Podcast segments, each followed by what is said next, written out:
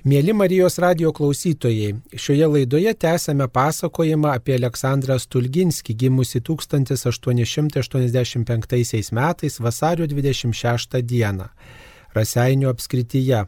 Aleksandras Stulginskis, kilęs iš Bežemių valstiečių, buvo jauniausias vaikas, 12 vaikas e, jų, jo tėvų šeimoje. Lietuvos istorijoje žinomas kaip antrasis Lietuvos prezidentas, nepriklausomybės akto signataras, mokytojas, vienas Lietuvos krikščionių demokratų partijos ir ūkininkų sąjungos teigėjas, Sibiro tremtinys, agronomas ir galiausiai skurdaus sovietinio gyvenimo liudininkas. Ne visiems žinoma, kad Aleksandras Tulginskis 1908 metais baigė Žemaičių kunigų seminariją Kaune metus tobulinosi Innsbruko universiteto teologijos filosofijos fakultete Austrijoje. Apie tai pasiklausykime jo paties atminimų. Iš Aleksandro Stulginskio atminimų, išleistų Čikagoje 1980 metais. Skaito Tomas Ladiga. Stoju į dvasinę seminariją.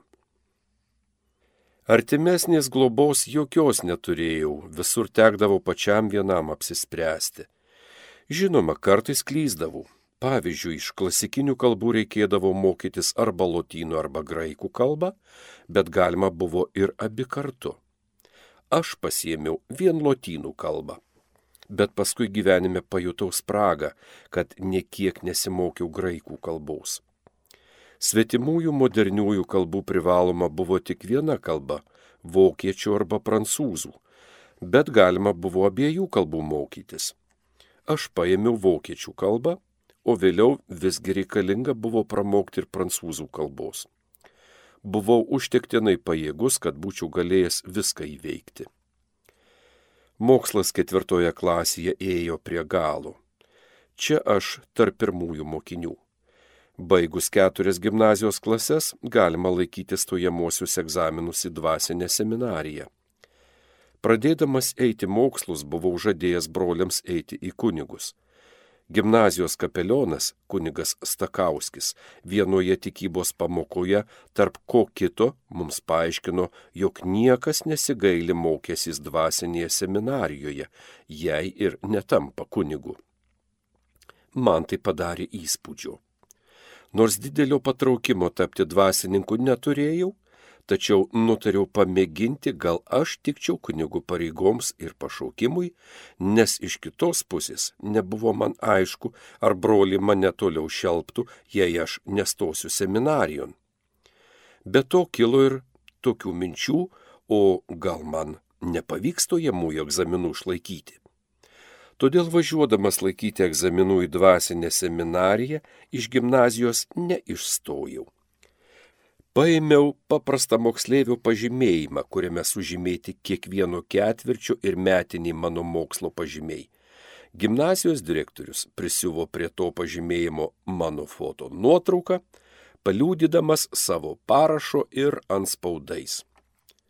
Nuvykau į Kauną čia sutikau nemažą savo klasės draugų būrelį, taipgi kaip ir aš pasirengusiu stoti į seminariją. Egzaminuotis prigarmėjo labai daug jaunuolių, atrodė, jog jų dauguma rengėsi privatiškai. Aplamai jie darė man įspūdžio mažai įsilavinusių vaikinų todėl susidarė man nuotaika, kad man būtų sarmata neišlaikyti egzaminų, jei tokie mažiau už mane išsilavinę tikisi juos išlaikyti.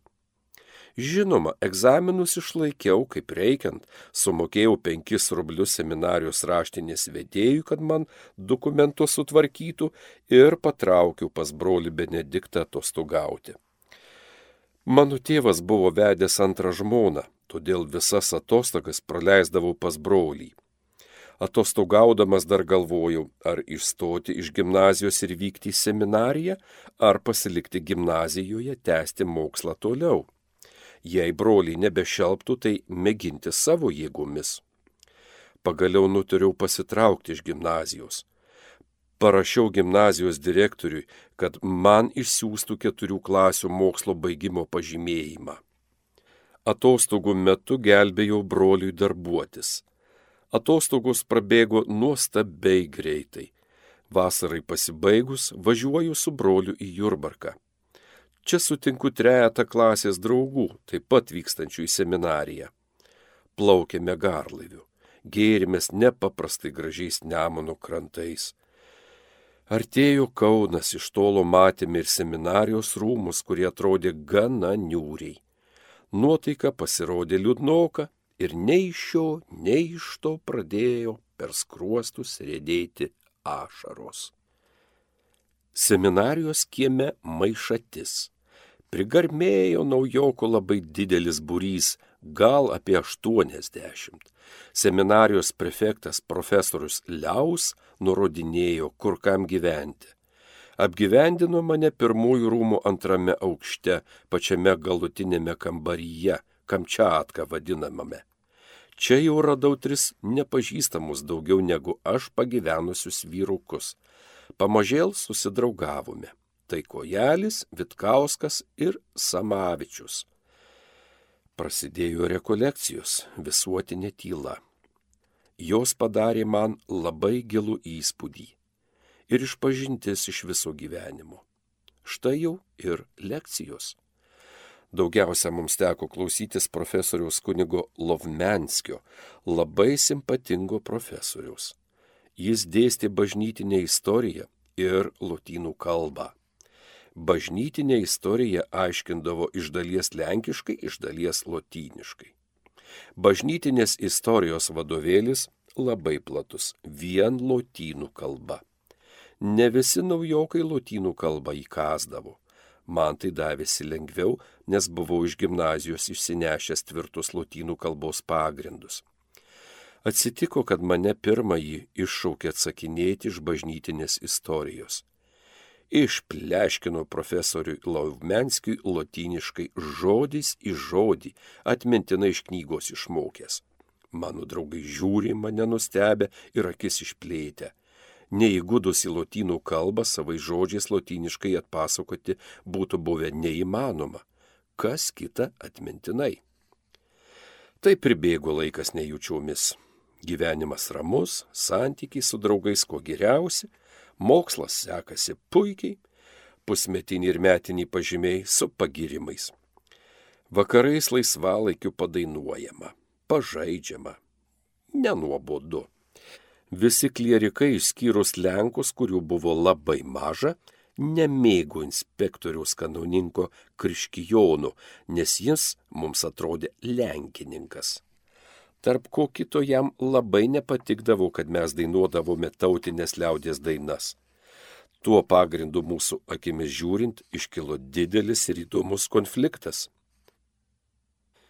Kartą po pasivaikščiojimo linksmakalnio šlaituose vyko didžiojoje seminarijos salėje bendra konferencija.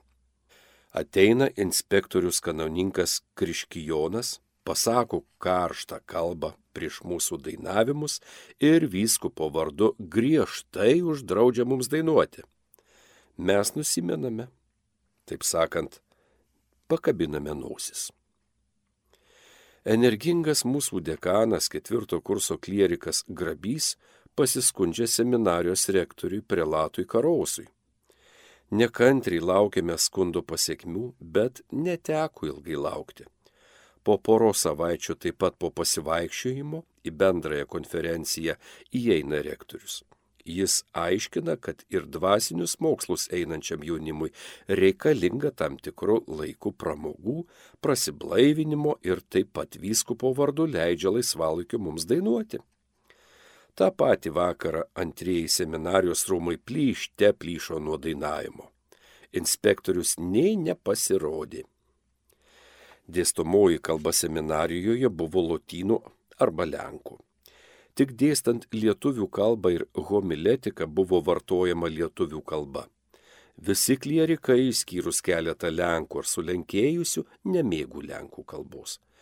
Štai vienas iš klierikų parašo straipsnį į Lietuvo žinias, kad seminarijoje klierikai lenkinami. Žinoma, po straipsnių pasirašė slapyvardę. Tokius straipsnius seminarijos vadovybė pasijuto pritrenkta ir pareikalavo, kad visi klierikai tą straipsnį atitaisytų.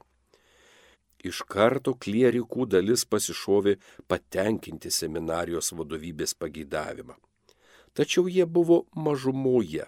Tuo tarpu, kai dauguma, o jų tarp ir man teko būti, su tuo nesutiko, siekdami išgauti tam tikrų reformų lietuvių kalbos vartojimo atžvilgių. Dalykas tęsiasi. Klierikų tarpe vykdavo karštos diskusijos už ir prieš Pamažėl dauguma pradėjo tirpti, kol virto mažumą ir todėl teko nusileisti daugumai minėtą į Lietuvos žiniuose straipsnį atitaisyti. Dalykui užsibaigusi bendrąją klierikų konferenciją atvyksta seminarijos rektorius, dabar vyskupas Cirtautas. Jis mums aiškina, kaip kenksmingi seminarijai panašus incidentai, kalbėdamas senelis net apsiverkė. Man labai pagailo to garbingo senelio, sąžinė išmetinėjo, nes aš buvau prieštaraujančių vadovybėje. Toks lenkų kalbos vyravimas žemaičių seminarijoje iš seno buvo giliai įleidęs savo šaknis ir tapęs tradiciniu. Kadangi dvasinė literatūra lietuvių kalba buvo labai skurdi, o tuo tarpu lenkų kalba ji buvo gana turtinga, tai suprantama, kad seminarijos vadovybė, vyskupo diriguojama, matė naudinga, kad klierikai įgūstų į lenkų kalbą ir vėliau galėtų ją laisvai naudotis. Ir tokia padėtis tęsiasi, kol žemaičių vyskupu tapo Karevičius ir seminarijos rektoriumi Mačiulis Maironis tad judu drįso iš pagrindų pakeisti įsisenėjusią tvarką.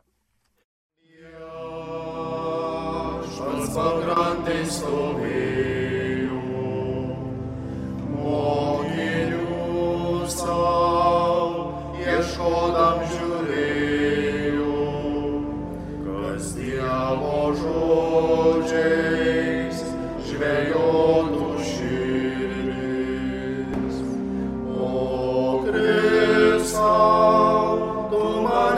gosta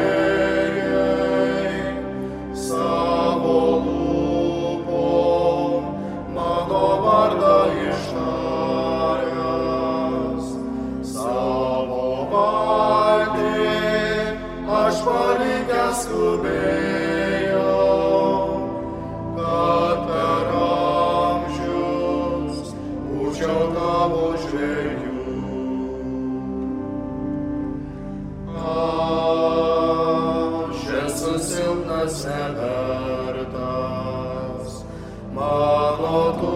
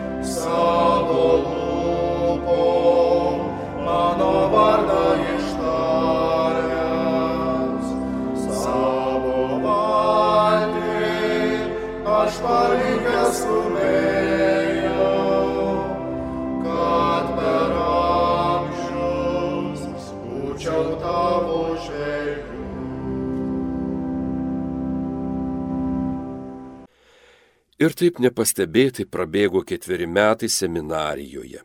Per tą laiką daugumas mano gimnazijos klasės draugų paliko seminariją, pabuvę joje tai vienerius, tai dviejus metus, o aš vis dar neapsisprendžiau. Baigus keturius seminarijos kursus, kai kurie mano draugai rengėsi priimti kunigų šventimus, Vieną kitą seminarijos vadovybė paskyrė tęsti studijas valdžios lėšomis Petrapilio dvasinėje akademijoje, o kai kurie vyko tenai studijuoti savo lėšomis. Manegi ištiko staigmena. Mano kurso draugai vienbalsi mane išrinko toliau studijoms tęsti užsienyje, suteikdami tam reikalui lėšų. Mano džiaugsmui nebuvo galo. Viena malonu ir naudinga - daugiau prasilavinti, praplėsti savo kiratį, pamatyti svetimus kraštus, dar pamastyti apie savo pašaukimą, o svarbiausia - mane džiugino draugų pasitikėjimas, kurį parodė vienbalsi mane rinkdami ir tolimesnį mano mokslą finansuodami. Atrodo, kad jų buvo tuo klausimu tartasi, bet aš apie tai visiškai nieko nežinojau ir tokį sprendimą darydami manęs net nebuvo atsiklausę. Man tai buvo malonus netikėtumas. Tiesą sakant, tokiam pasiūlymui lyg ir buvau pasiruošęs, Būdamas seminarijoje, nors ir nemanydamas, kad man tektų kada nors vykti užsienin, pradėjau mokytis vokiečių kalbos pats vienas be kieno nors pagalbos ir buvau jau tiek pažengęs, jau galėjau vokiškai skaityti knygas be žodino pagalbos. Aš norėjau pramokti nors kiek vokiškai, kad galėčiau ateityje naudotis labai turtinga visose srityse vokiečių literatūra tuoj parašiau broliams į Ameriką, kad aš vykstu į užsienį toliau mokslo tęsti. Mano atostogos labai džiugius, jos švilpte prašvilpi. Artėjo ruduo. Rengiausi į tolimą kelionę, pasisiūdinau civilius rūbus. Man rūpėjo, kaip čia man seksis vienam keliauti. Čia vėl malonus netikėtumas. Kunigas Vaitkus paliko dvasinę seminariją Petrapilyje ir vyko kaip ir aš į užsienį studijuoti. Jis labai draugiškas. Nors seminarijoje jis buvo keliais kursais už mane vyresnis, tačiau retkarčiais šnekteldavau su juo. Gauname užsienio pasus, užeiname pas vyskupą cirtautą atsisveikinti, labai maloniai mus priima, palaimina ir dar ant kelionės mums duoda po šimtą rublių dvasinė vadovybė mus nukreipė į Austriją, į Innsbruką, į tėvų jezuitų vadovaujamą teologijos filosofijos fakultetą. Važiavome sustodami per Vilnių, Varšuvą, Čenstachavą. Ilgiau staptelėjome vienoje pasižiūrėti miesto grožybių ir įžymybių. Artėjant Innsbrukui, mūsų akis žavėjo Alpių kalnų grožis na ir esama gamtos grožybių, kokių mūdu dar nebuvome matę. Nepajutome, kaip mūdu atsidūrėme Innsbruke. Miestas nepasižymėjo savo didumu, bet labai švarus, įsidėstęs pačioje Alpių kalnų papėdėje, turėjo savotišką ir labai įspūdingą vaizdą. Štai žiūri, gatvė lik baigėsi ir čia netikėtai staiga kyla aukštyn status aukštas kalnas. Miestą perkerta nepaprastai raunus inas, neždamas konkuliuojančius, švarius blizgančius vandenis tolin Alpių atkalnėmis. Apie apylinkių grožį nėra ko ir kalbėti, nes čia driekėsi Alpių kalnų atplaišos, išražytos bedugnėmis raguvomis. Tačiau gaila, kad augmenyje Innsbruko apylinkėje nepasižymi vešlumu, prie ko mes Lietuvoje esame pripratę. Kunigas Vaitkus apsigyveno mieste.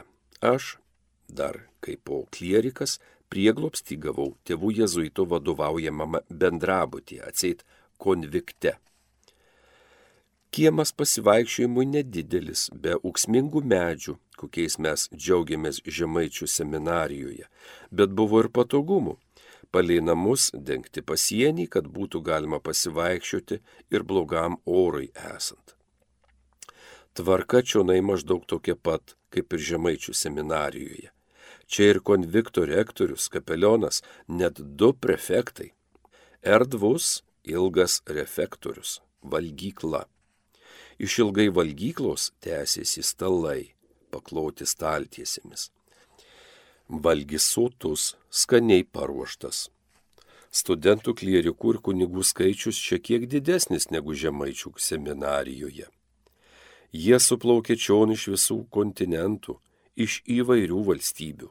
Čia teko sutikti Azijos, Australijos, Amerikos, net Afrikos atstovų. Žinoma, gausiausiai buvo reprezentuojama Europa. Mane apgyvendino viename kambaryje su austrų vokiečių grafu Stomu. Tai kultūringas, gražiai išauklėtas, simpatingas ir kartu labai pamaldus jaunuolis. Kaip tik man čia susidarė geriausia proga lavintis šnekamojoje vokiečių kalboje. Kalbėjo jis austriškai vokišku akcentu lotynų kalbos atžvilgių pasirodė daug silpnesnis už mane. Visą laiką gyvenome su juo labai draugiškai, nežiūrinti tai, kad jis kokiais penkeriais metais už mane jaunesnis. Štai ir studentų iškilmingos imatrikuliacijos iškilmis, jos įspūdingos. Universiteto rektorius, išduodamas man pažymėjimą, paspaudė ranką triukšmingai nuaidėjo gaudiamus, jau tikrai vienu laipsniu aukščiau. Nežinia kodėl, gal kunigo Vaitkaus įtakoje pasirinkdamas klausytis lekcijų, nenuėjau tuo keliu, kuriuo reikalinga buvo eiti, rengintis teologijos doktorato laipsnį gauti, nes ir kunigas Vaitkus neplanavo daryti doktorato. Kiekvienam teologijos studentui privalu išklausyti ir išlaikyti egzaminus iš scholastinis filosofijos pradmenų. Šis kursas man filosofijos nesiklaususiam atrodė labai įdomus. Tuo labiau, kad įdėsti tėvas Donatas ir tėvas Fuerik. Labai gerai pasiruošę profesoriai. Be to, užsirašiau moralinės teologijos kursą, kurį skaitė profesorius Nolding jau senelis, kaip Donatas ir Fuerikas, bet anuomet jis buvo moralinės teologijos garsenybė. Tai kaip čia tų simpatingų ir įdomaus profesoriaus nepasiklausyti. Iš tikrųjų į jo lekcijas prigužėdavo pilnutėlį salė su kaupu. Kai skaitydavo, salėje mirtina tyla. Jo pasiklausyti atvykdavo ir kunigas Vaitkus tik čia mūdu te susitikdavome. Ramiai ir įdomiai slinko mano gyvenimas Innsbruke. Profesorių paskaitos įdomios, egzaminai iš išklausytų dalykų išlaikomi labai gerai. Kartą prieš baigiantis mokslo metams pasikviečia mane konvikto rektorius ir klausia manęs, kaip su mano pašaukimu. Atsakiau jam, kad aš dar galutinai neįsiaiškinau. Tai jį labai nustebino. Jis negali suprasti, kaip per tiek laiko neįstengiau pažinti savo pašaukimu. Mokslo metams pasibaigus grįžtame draugė su kunigu Vaitkum į Lietuvą atostogų. Kelią pasirinkame per Vokietiją. Sustojame Münchenė jo pasižiūrėti lipame į Frauenkirche bokštą, iš kurio miestas kaip ant delno matyti. Apačioje lipat į bokštą prieškambaris, kuriame stovi stalas. Čia knyga lankantiems pasirašyti. Žiūrime, tarp kitų ir Stolipino, rusų ministro pirmininko parašas. Mat ir jo čia neseniai lipta. Didelį įspūdį mums padarė Müncheno paveikslo galerija Alte und Neue Pinakothek. Ypatingai buvo įdomu pasigrožėti senąją pinakoteka. Po atostogų man teko jau galutinai apsispręsti. Reikėjo padaryti galutinį žygį primti kunigų šventimus ir tapti kunigu, ar pagaliau atsisakyti. Lemtinga valanda. Daug galvojau ir nutariau pasitraukti. Iš vienos pusės man atrodė gero kunigo pareigos nelengvos, o iš kitos jaučiamas lyg tuo met didelis pasauliečių inteligentų trūkumas. Tuo tarpu kunigų užtektinai tuo met buvo Lietuvoje. Galvojau, gal pasauliečių inteligentų būsiu naudingesnis Lietuvai, negu būdamas kunigu. Teko persitvarkyti, statyti savo gyvenimą į naujas vėžes. Kol persitvarkymas vyko, išėjo visi metai. Tuo tarpu dirbau Švento Kazimiero draugijos kontoroje. Čia dirbdama šitą iš Čechovo išversdavau į lietuvių kalbą ir talpindavau vienybėje. Dėstęs lietuvių kalbą Kauno vyrų gimnazijoje, Žilinskas nuseno ir iš tų pareigų pasitraukė. Pasiūlyta man užimti šį postą. Žinoma, aš mielai sutikau, lietuvių kalba gimnazijoje buvo neprivaloma. Rusų valdžia darė lyg malonę, leisdama norintiems mokytis lietuvių kalbos. Mokytojui už tai jokio atlyginimo neskirdavo.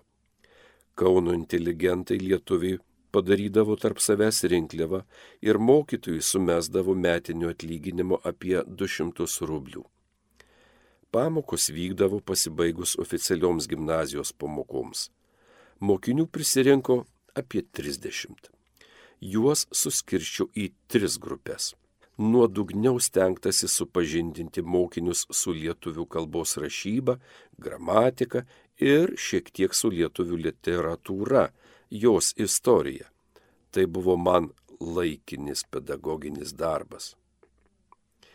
Leidimas Lietuvos gimnazijoje dėstyti lietuvių kalbą ir literatūrą buvo įgavęs pajokos pobūdį, nes tų disciplinų dėstymas buvo nustumtas į labai nepatogų laiką, kai kitos visos pamokos gimnazijoje jau pasibaigusios, atseit, kada mokiniai privargę, atbukę, išalkę, dėstytojui arba mokytojui nenumatyta už darbą jokio atlyginimo. Vadinasi, kad lietuvių kalbos ir literatūros mokytojas privalo dirbti veltui, kad caro valdžia nepajėgi mokytojui už darbą atlyginti. Tačiau caro valdžia tik pasirodyti norėjo, kokią malonę daro lietuviams, leisdama lietuviams mokiniams mokyti savo kalbos ir literatūros. Kokia veidmainystė nelengvas buvo kelias į tautinę apšvietą. Man norėjusi būti arčiau savo liaudys, padėti kelti tautos gerovę. Lietuva perdėm žemės ūkio kraštas. Man atrodė, kad ūkininkaujama atsilikusiai. Žemdirbiams labai trūko žinių, kaip dirbti žemę, auginti gyvulius ir taip toliau. Ėjo smarkus skirstimas į viensėdžius susidarė šiokios tokios sąlygos žemės ūkiui kelti. Tuo tarpu lietuvių agronomų tik vienas kitas, taigi tvirtai ryžausi tapti agronomu, nes būdamas agronomu veiksmingiausiai galėsiu padėti savo tautiečiams. Kreipiausi į agronomą Juozą Tūbelį, kuris tuomet dirbo Kauno gubernijoje žemės tvarkomojo komisijoje, klausdamas jo, kur geriausiai šiuo metu pastatytas žemės ūkio mokslas užsienyje. Jis man nurodė Žemės ūkio institutą Halėje, Vokietijoje. Gavęs atsakymą iš Halės universiteto, jog į jį įstoti nesama kliučių, pradėjau renktis kelionin. Išstojau iš Innsbruko universiteto ir pavyko įstoti ir baigti Halės universitetą. Tapau agronomu kad galėčiau Lietuvos gerovę kelti ir vis ieškojau būdų, kaip mūsų krašto žmonėms padėti.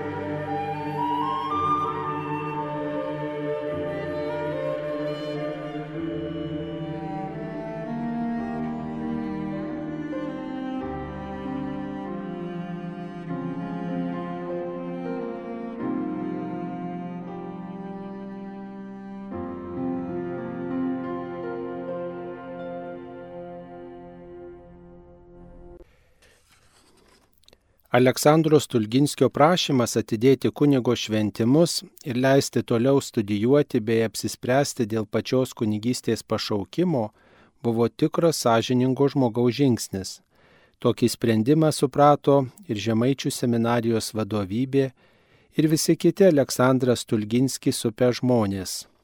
Svarstymai prieš priimant kunigo šventimus yra būtini ir privalomi, kad žmogus tikrai galėtų apsvarstyti savo motyvus ir labai sąmoningai prisijimtų šitą žingsnį. Net Aleksandros Tulginskio brolis ir sesuo, kurie gyveno užsienyje, Junktinėse Amerikos valstijose, suprato Aleksandros Tulginskio motyvus, dviejones ir toliau palaikė bei materialiai rėmė jo užsidėgymą siekti mokslo ir prisidėti prie kitų darbų Lietuvos geroviai. Lietuvai darbuotis galima ne tik tai būnant kunigu, bet ir dirbant kitose tarnystėse.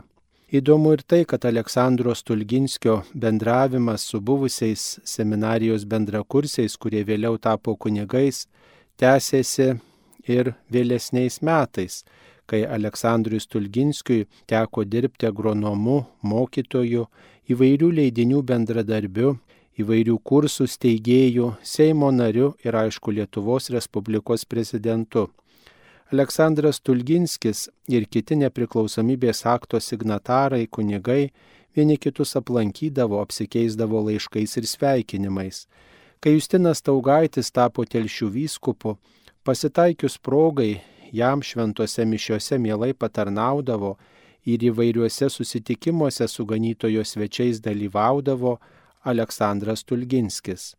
Seminarijoje praleisti metai Aleksandras Tulginski išmokė takto, pagarbo žmogui, išmokė argumentuotai kalbėti ir pagrysti savo pažiūras. Taip pat krikščioniškais motyvais išmokė pagrysti svarstyti ir paremti dėmesį silpniausiems visuomenės nariams. Gerai išmokta lotynų kalba padėjo bendrauti su popiežiaus atstovais ir svečiais atvykusiais į Lietuvą. Visą gyvenimą būdamas atsakingose pareigose, o vėliau pasinėręs į ūkio darbus ir net ištremtas į Sibirą, atskirtas nuo šeimos, netekęs viso savo turto, sovietmečio atstumtas savo tėvynėje, nepageidaujamas gimtojoje žemėje ir net tarptų žmonių, kuriems padėjo, negalėdamas gauti jokio darbo, pats neprarado krikščioniško tikėjimo ir kasdienės maldos. Jam svarbu buvo bet kokiomis aplinkybėmis kreiptis į Dievą, dėkoti už visą tai, ką gyvenime patiria. Prieš mirtį, gudžių sovietmečiu, Aleksandras Tulginskis išreiškė pageidavimą, kad kunigas dalyvautų jo laidotuvėse, o karstas būtų užklotas Lietuvos trispalvę. Atrodo neįmanomi dalykai, tačiau jokios negandos sunkumo ar krizės neišdildė meilės tėviniai Lietuvai ir Kristui, visų žmonių gelbėtojui. Nors ir atstumtas daugelio žmonių, tačiau nepasižymėjo neapykanta ar priešiškumu kitiems. Visada jo kalba dvelkė ramybę, taktų ir net susidūręs su priešiškai mąstančiai žmonėmis, romiai tylėdavo ar atsakydavo su didelė pagarba. Aleksandras Tulginskis laikytis doros ir krikščioniško tikėjimo žodžiu ir pavyzdžiu mokė ir savo dukrą Aldoną. Tokio ištvermingo tikėjimo ir didžiulės vilties Lietuvo šviesuolio Aleksandro Stulginskio gyvenimas te moko ir mūsų karto žmonės.